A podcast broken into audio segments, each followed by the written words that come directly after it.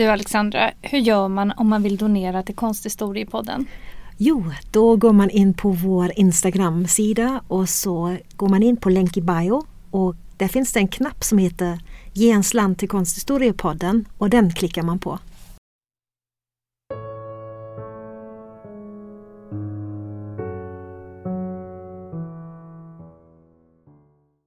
Hej och välkomna till Konsthistoriepodden. Jag heter Alexandra Frid. Och jag heter Alexandra Härlitz och idag ska vi prata om ett av världens mest kända konstverk.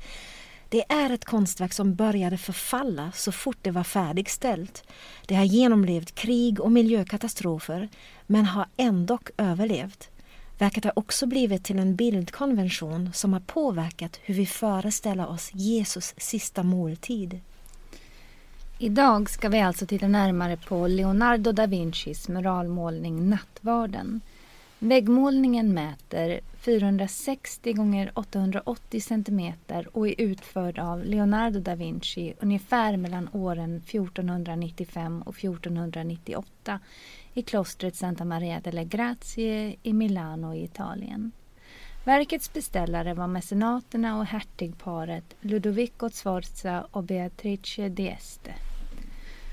Sforza hade för avsikt att fresken skulle pryda Sforza-familjens privata kapell men istället kom verket att pryda en av kortväggarna i refektoriet, alltså matsalen på klostret i Santa Maria delle Grazie. Motivet som baserar sig på den bibliska scenen från Johannes evangeliet var vanligt och mycket välpassande för en matsal i klostermiljö. Vi ser 13 figurer placerade på tre sidor av ett långbord som är täckt med duk. Figurerna är gestaltade i teatraliska poser och gester och deras fötter sticker fram under bordet i förgrunden. I bakgrunden ser vi tre fönster varigenom vi skönjer ett böljande bergslandskap. I det här fallet är konstnären lika enigmatisk som verket. Det finns en livsteckning som den samtida konstnären och författaren Giorgio Vasari skrev. Vasari kallas för den första konsthistorikern och var också en vän till Leonardo. Man får dock ta Vasaris berättelse med en nypa salt då han fabulerar kring konstnärer. Framförallt när han inte visste något alls om dem så kunde han hitta på utifrån deras konst. Och det här har lett till att efterföljande författare har traderat Vasaris biografier som fakta. Leonardo da Vinci föddes utanför äktenskapet den 15 april 1452 i Anciano nära Vinci i Toscana. Modern var en bondkvinna och fadern en notarie från det närbelägna Vinci dit familjen flyttade när modern övergav familjen för en annan man. Leonardo och hans far flyttade då till faderns hemby och det skulle inte dröja länge innan fadern gifte om sig. Det sägs att Leonardo hade minst 17 syskon som fadern fick med olika kvinnor. Han behandlades som en äkta son och fick genomgå den elementära utbildningen såsom läsning, skrivning och aritmetik. Som skolelev var Leonardo inte alls intresserad av högre studier och det skulle dröja tills han var i 30-årsåldern då han på eget bevåg fördjupade sig i matematik, avancerad geometri och aritmetik.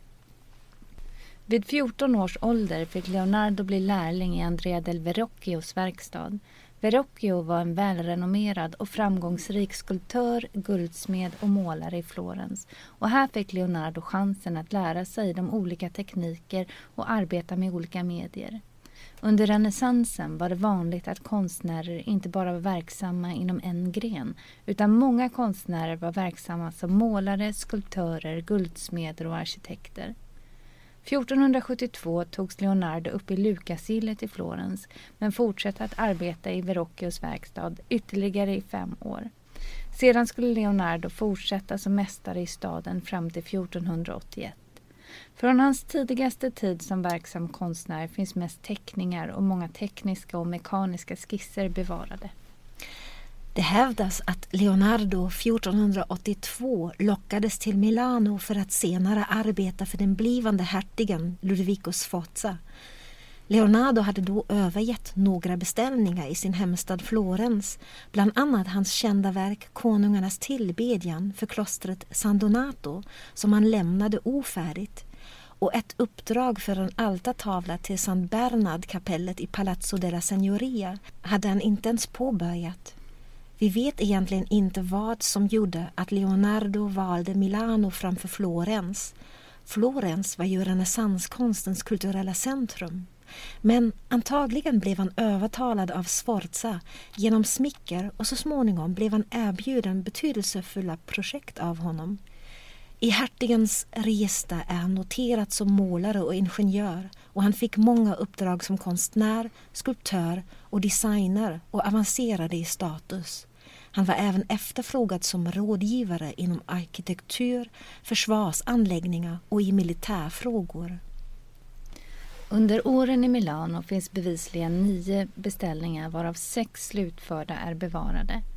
Ytterligare tre beställningar finns från den här tiden men antingen påbörjades de aldrig eller så har de helt enkelt försvunnit. Några av de verken han arbetade med var den första versionen av Madonnan i grottan, nattvarden i Santa Maria delle Grazie och takmålningen i Sala delle Asse i Castello Sforzesco. Ett verk som verkar ha varit av stor betydelse för Leonardo själv var den storskaliga ryttarstatyn i brons som skulle hugfästa Francesco Sforza, grundaren till Sforza-dynastin.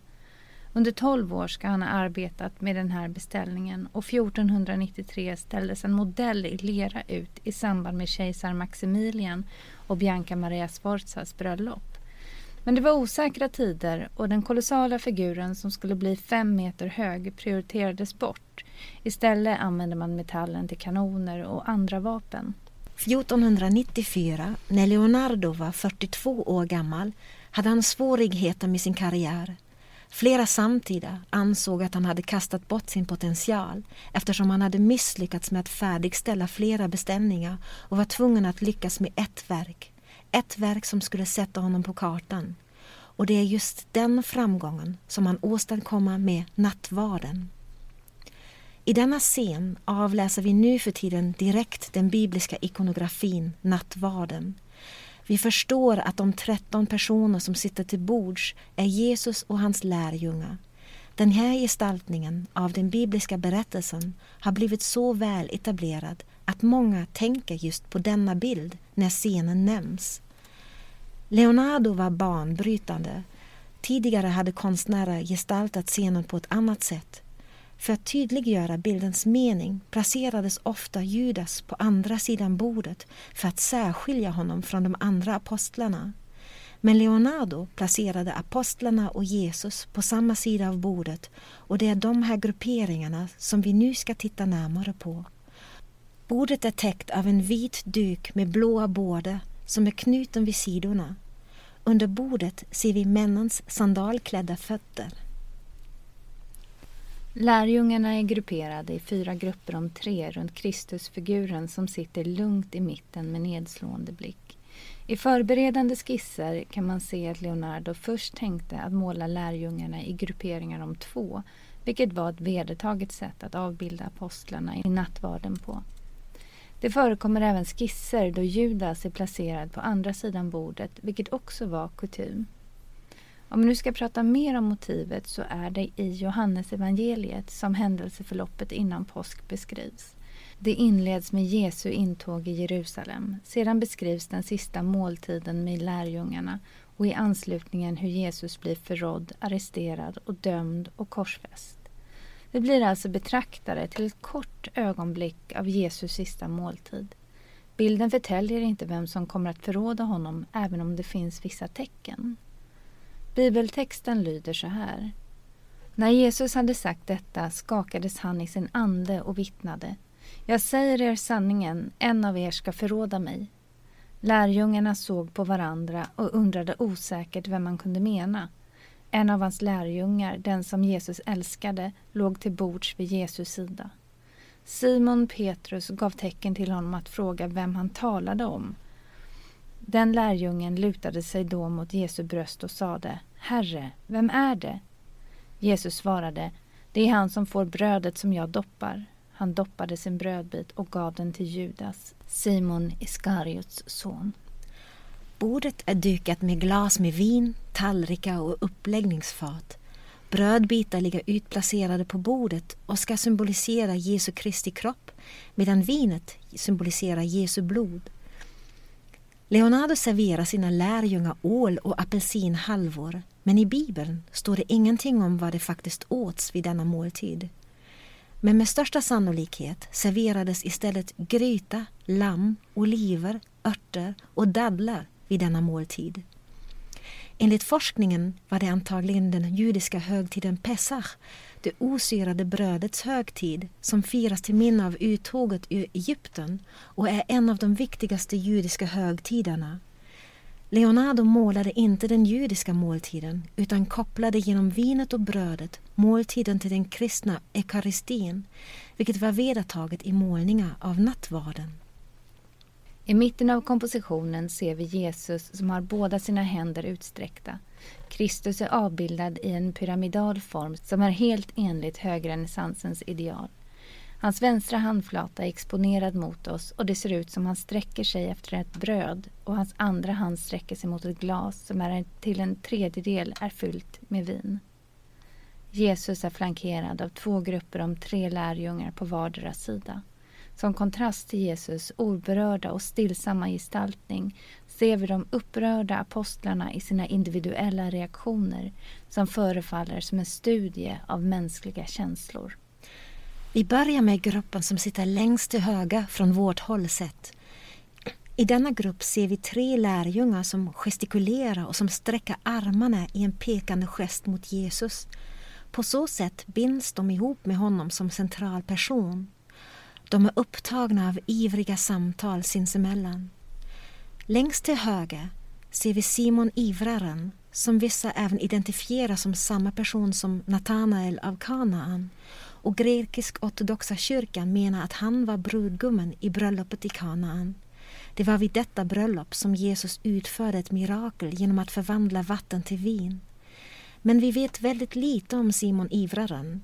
Det finns vissa källor som menar att han skulle ha tagit över biskopsstolen i Jerusalem efter aposteln Jakob och flera legender berättar att han led martyrdöden genom att ha blivit sågad i tu. Därför blir han ibland avbildad med en såg som attribut. I mitten av denna grupp om tre ser vi Judas Taddeus. Enligt senare forskning var han även författare till Judasbreven i Bibeln. Likt Simon Ivraren fick han lida martyrdöden i Armenien. Längst till vänster i gruppen sitter Matteus. Det är väldigt osäkert, men många hävdar att han är författaren till Matteus evangeliet. Matteus är bortvänd från Jesus för att han är i samtal med Simon Ivraren och Judas Taddeus. Samtidigt pekar hans armar dramatiskt mot Jesus vilket indikerar att samtalet gäller honom och det han just sa. I gruppen ett steg närmare som sitter direkt till höger från vårt håll sett om Jesus ser vi apostlarna Thomas, Jakob och Filippos som utgör nästa grupp om tre. Thomas är aposteln närmast Jesus. Han håller upp sitt finger i en märklig gest som Leonardo också använder i Madonnan i grottan och som vi inte riktigt kan tolka nu för tiden. Vi vet mycket lite om Thomas men i Jesus avskedstal till lärjungarna säger han och vägen dit jag går, den känner ni. Då invänder Thomas, Herre, vi vet inte var du går. Hur kan vi då känna vägen? Fingret han håller upp påminner om en senare scen i Bibeln då Thomas tvivlar på Jesus uppståndelse. Han lägger då sitt finger i Jesus sår för att förstå att den döde Jesus har återuppstått. I mitten av gruppen sitter aposteln Jakob och stirrar nedåt. Även han dog martyrdöden. Han kallas ofta för Jakob den äldre för att skilja på honom och aposteln Jakob den yngre. Enligt apostlagärningarna avrättades Jakob den äldre av Herodes Agrippa den första och var den första av apostlarna att lida martyrdöden 44 efter Kristi födelse. Sankt Jakob är Spaniens skyddshelgon och heter Santiago på spanska och enligt legenden finns hans kvarlevor i Santiago de Compostela i norra Spanien. Längst till höger i gruppen sitter Filippos som håller i sin mantel och verkar helt bestört över vad han precis har hört. Om vi nu förflyttar oss längst till vänster i bilden från vårt håll sett ser vi tre lärjungar som sitter väldigt tätt intill varandra och riktar blickarna mot Jesus. Längst till vänster ser vi Bartolomeus. I Bibeln nämns han ihop med de andra apostlarna, men aldrig ensam. Enligt traderingen tror man att han missionerade i Indien, Mesopotamien, Partien, Likaonien och Azerbajdzjan innan han fick lida martyrdöden och blev flodd levande i Armenien. Andreas, bror till Petrus och lärjunge till Johannes döparen sitter längst till höger i den yttersta gruppen och håller upp båda sina händer med handflatorna mot betraktaren. Andreas räknas som Jesus första lärjunge och var till stor hjälp när de övriga apostlarna samlades. I mitten av denna grupp ser vi aposteln Jakob den yngre. Han lägger sin ena hand på Andreas axel. Den andra armen sträcker han ut och lägger sin hand på Petrus rygg. På så sätt skapar han en förbindelse mellan de två bröderna Andreas och Petrus samtidigt som han binder ihop den yttersta gruppen med den som sitter närmare Jesus. Det är självfallet gruppen närmast Jesus på vänster sida från vårt håll sett som är mest intressant. Här ser vi Judas Iskariot som omnämns i flera evangelier och i apostlagärningarna och han är den av de tolv lärjungarna som förråder Jesus för 30 silverpenningar genom att peka ut honom till en överstepräst. I Leonardos komposition är alltså Judas placerad på samma sida som Jesus och de andra apostlarna. Man kan tydligt se pengapungen han håller i som innehåller silverpenningarna han har fått för sitt förräderi innan han begav sig till måltiden. Judas tar en bit bröd medan vi ser Jesus sträcka sin hand mot vinet. Judas och Jesus händer hamnar på så sätt precis bredvid varandra. I mitten av denna grupp ser vi Petrus huvud när han sträcker sig framåt hållandes en dolk bakom ryggen. Petrus var en fiskare från Galileen och hade en ledande roll inom lärjungegruppen och närvarade vid flera viktiga tillfällen i Jesu liv. Han hade framträdande ställning och predikade i Jerusalem och gjorde flera missionsresor till mindre Asien. I Galaterbreven beskrivs Petrus som en av nyckelpersonerna i Jerusalems kyrka. För att förstå Petrus viktiga placering i kompositionen bör det nämnas att han omnämns av Paulus som en mycket viktig ledare och apostel i Markus evangeliet, Matteus evangeliet, Lukas evangeliet, Apostlagärningarna och Johannes evangeliet. I de fyra evangelierna erkänner Petrus Jesus som Messias. I Matteus evangeliet erkänns Petrus som den kristna kyrkans grundare. Men det är mannen bredvid Jesus som intresserar oss mest. Johannes evangelisten, den enda av apostlarna som inte led martyrdöden, är placerad invid Jesus. Kanske är han placerad just invid honom vid denna viktiga måltid eftersom han genom sina uppenbarelser redan visste vad som komma skulle. På grund av Dan Browns roman Da Vinci-koden som kom ut 2003 har Johannes i målningen mycket fantasimässigt och felaktigt tolkats som Maria Magdalena.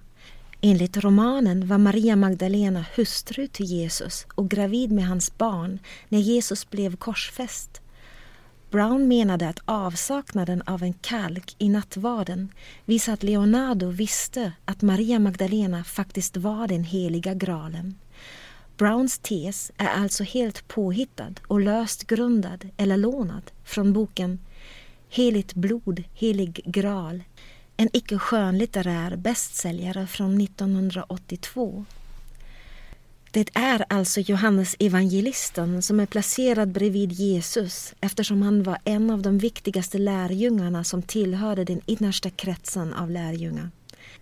Han var den yngste aposteln, visionären som kunde förutspå Kristi återkomst och domedagen. Johannes evangelistens roll betonas också genom att hans kläder har samma färger som Jesus blå-röda kläder, fast inverterade. Omsorgen med vilken Leonardo målade lärjungarnas huvuden kan man se i de bevarade studierna som nu för tiden befinner sig på Windsor Castle i London. Den italienska författaren Matteo Bandello har beskrivit Leonardos arbete med verket Nattvarden. Han var brorson till klostrets prior och iakttog Leonardo många gånger i sitt arbete. Han beskrev det som följande. Han kom ofta tidigt i morgongryningen till klostret och jag kunde titta på medan han arbetade.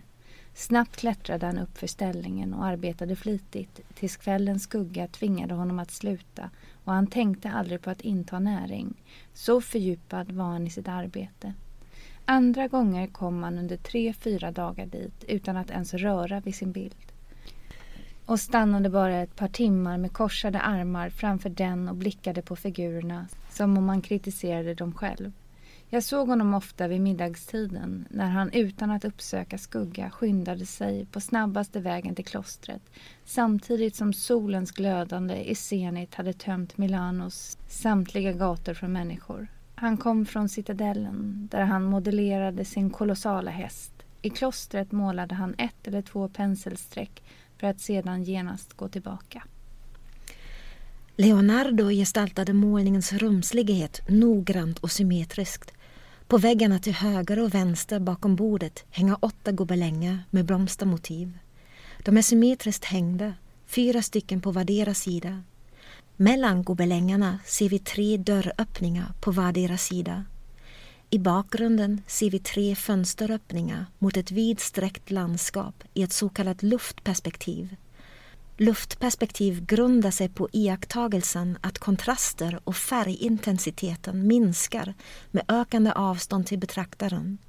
Även Leonardo målade landskapet i blekare pastellfärger för att indikera rumslig distans och skapa en djup illusion.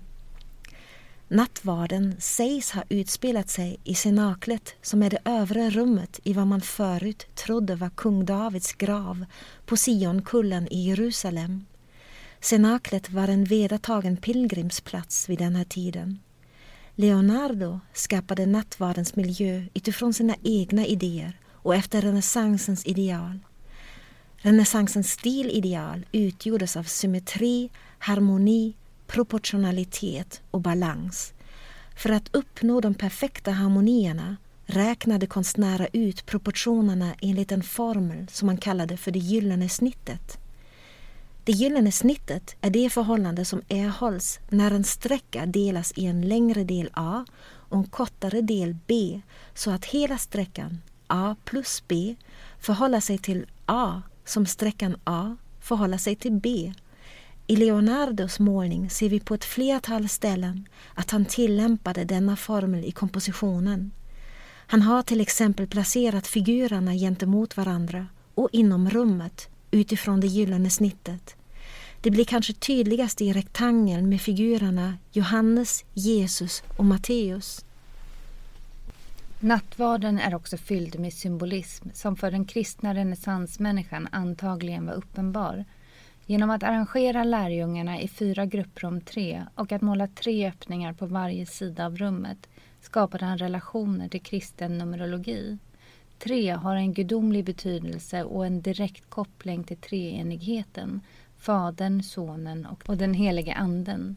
Det kan finnas en koppling till de tre teologala dygderna också, tro, hopp och kärlek. Siffran 4 som vi ser i antalet grupper av lärjungar och i gobelängerna på väggarna kan tolkas som en koppling till det världsliga. Ofta tolkas det som en länk till de fyra kardinaldygderna från antikens Grekland, alltså vishet, mod, måttfullhet och rättrådighet. Det kan också påvisa de fyra elementen jord, vind, eld och vatten. Det skulle också kunna symbolisera de fyra årstiderna liksom de fyra väderstrecken. Leonardos komposition står helt i enlighet med renässanskonstens smak för symmetri och den noggranna beräkningen. I nattvarden målade Leonardo enligt centralperspektivet, en av renässansens innovationer som fortfarande används nu för tiden. Man definierar den tredimensionella världen i målningens plana yta genom att skapa målningens rumslighet utifrån en flyktpunkt som alla parallella ortogonaler i målningen fokuserar i. I nattvarden befinner sig denna flyktpunkt bevisligen i Kristusfigurens tinning. Vid de senaste restaureringsarbeten har man i just denna punkt hittat hålet efter en spik Detta betyder att det är denna punkt i Kristi tinning som Leonardo da Vinci har bestämt som målningens centrum och att det samtidigt är den punkten i vilken alla perspektiviska strålar träffas. Da Vinci bestämde perspektivets strålar genom att använda en spik och spänna snören därifrån. Enligt dessa perspektiviska ortogonaler har han sedan målat gobelängernas och kassettakens linjer så att de överensstämmer med centralperspektivets lagar. Ovanför fönstret i mitten finns en segmentformad fronton, en vanlig arkitektonisk utsmyckning under renässansen som skapar en naturlig gloria över Jesus huvud. På så sätt anknöt Leonardo i målningen till sin samtid. Arkitekturen spelar en större roll i denna målning då det är ett platsspecifikt verk som har skapats i klostrets matsal. Perspektivet är vinklat så moralmålningen förefaller som en förlängning av matsalen för en betraktare som sitter vid ett bord i refektoriet. Även tekniken för Leonardos muralmålningar är intressant. Ingen vet varför Leonardo bestämde sig för att använda sig av ny teknik där han blandade olja och tempera. Antagligen var syftet att få till starkare och klarare färger. Leonardo ville åstadkomma en detaljrikedom och en ljusstyrka som han inte hade upplevt var möjligt i det traditionella freskomåleriet. Han täckte väggen med dubbelt lager av puts. På den fuktiga putsen la han ett lager av blyvitt för att intensifiera verkan av kombinationen av tempera och oljefärg. Visst lyckades Leonardo med att skapa en kromatisk effekt med starka lysande färger, alltså en slags färgblödning med konturer då färgerna går i varandra. Samtidigt var tekniken inte hållbar, så som de tusenåriga freskerna från antikens Grekland och Rom. Men det var inte bara måleritekniken och material som gav bilden dåliga förutsättningar. Muralmålningens plats förefaller också extra olycklig eftersom byggnaden är lågt belägen och översvämningar förekom ofta.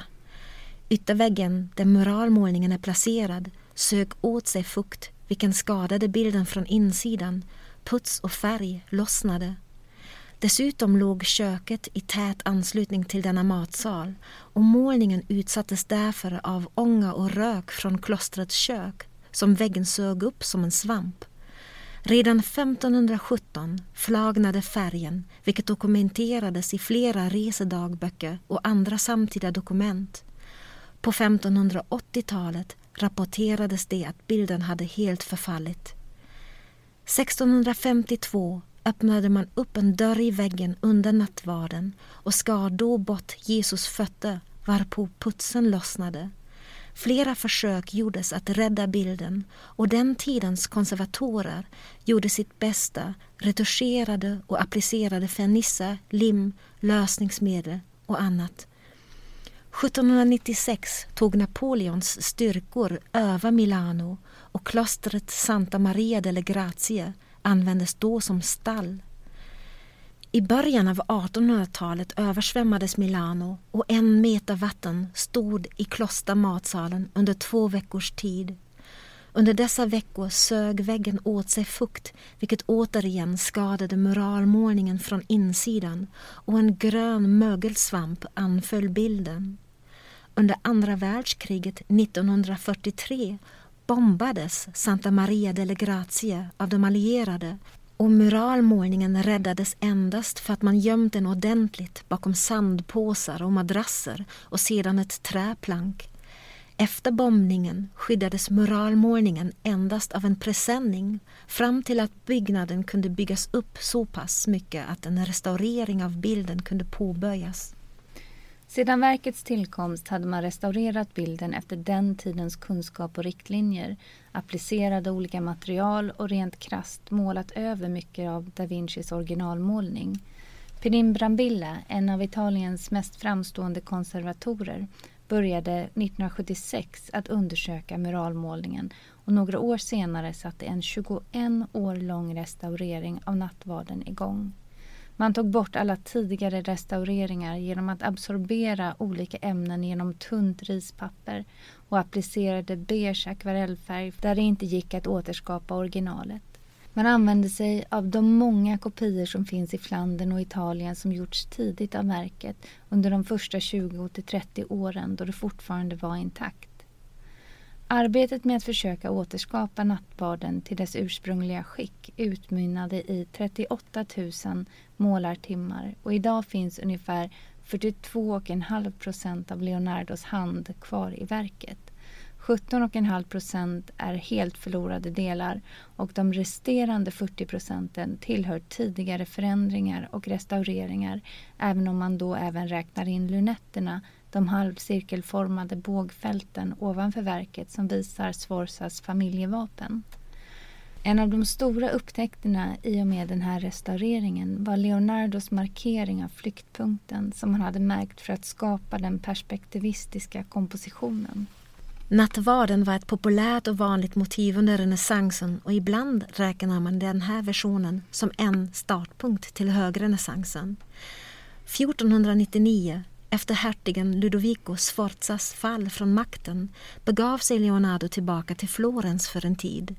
Han arbetade då bland annat med ingenjörskonst och hur man kunde flytta floden Arno för att undvika översvämningar i städerna. 1503 fick han en ny muralbeställning föreställande slaget vid Anghiari i Palazzo Vecchio som idag är förlorad. Antagligen blev den övermålad under en av Vasaris fresker. Även La Gioconda, målningen som brukar kallas för Mona Lisa, tillkom under den här perioden. Men Leonardos andra vistelse i Florens var till största del dedikerad till vetenskapliga undersökningar. Leonardo återvände till Milano 1508 efter en inbjudan av Charles d'Amboise, den franska guvernören i Milano och stannade där till största del fram till 1513. Den då 60-åriga Leonardo ska då ha begett sig till Rom och bodde en period i Vatikanen men det är oklart om han överhuvudtaget var konstnärligt aktiv under den perioden. Det finns i alla fall inga stora beställningar registrerade i arkiven. Leonardo befann sig i Rom, det nya kulturcentrum där Donato Bramante byggde Peterskyrkan, Rafael målade stanserna åt påven och Michelangelo, ja, Michelangelo, arbetade med påve Julius den andres gravmonument. Men mitt i all denna konstnärliga verksamhet verkar Leonardo enbart ha arbetat med sina anteckningsböcker och vetenskapliga undersökningar. Dessa arbeten finns bevarade i den så kallade Codex Madrid Codex Madrid är en bunden samling av Leonardos handskrivna blad som innehåller anteckningar, skisser och teckningar. Den är uppkallad efter platsen där man hittade den, nämligen på det spanska nationalbiblioteket i Madrid där den fortfarande befinner sig idag. Vid 65 års ålder tackade Leonardo ja till en inbjudan från den franska kungen Frans den förste och 1516 lämnade han Italien för alltid. Under sina sista år målade han väldigt lite. Istället organiserade han och arbetade med sina vetenskapliga studier. Leonardo dog på slottet Clou och begravdes i Saint Florentins palatskyrka i Frankrike. Kyrkan förstördes under den franska revolutionen och hans grav går inte att lokalisera.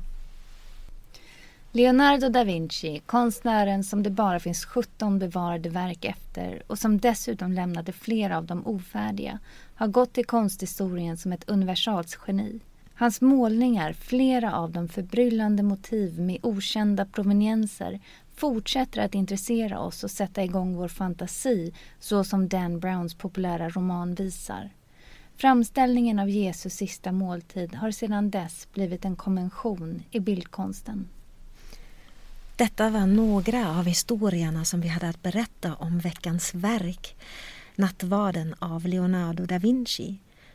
Som en rolig anekdot och framtida restips går det mycket bra att besöka den helige, eller i alla fall en graal, i Valencias domkyrka i Spanien.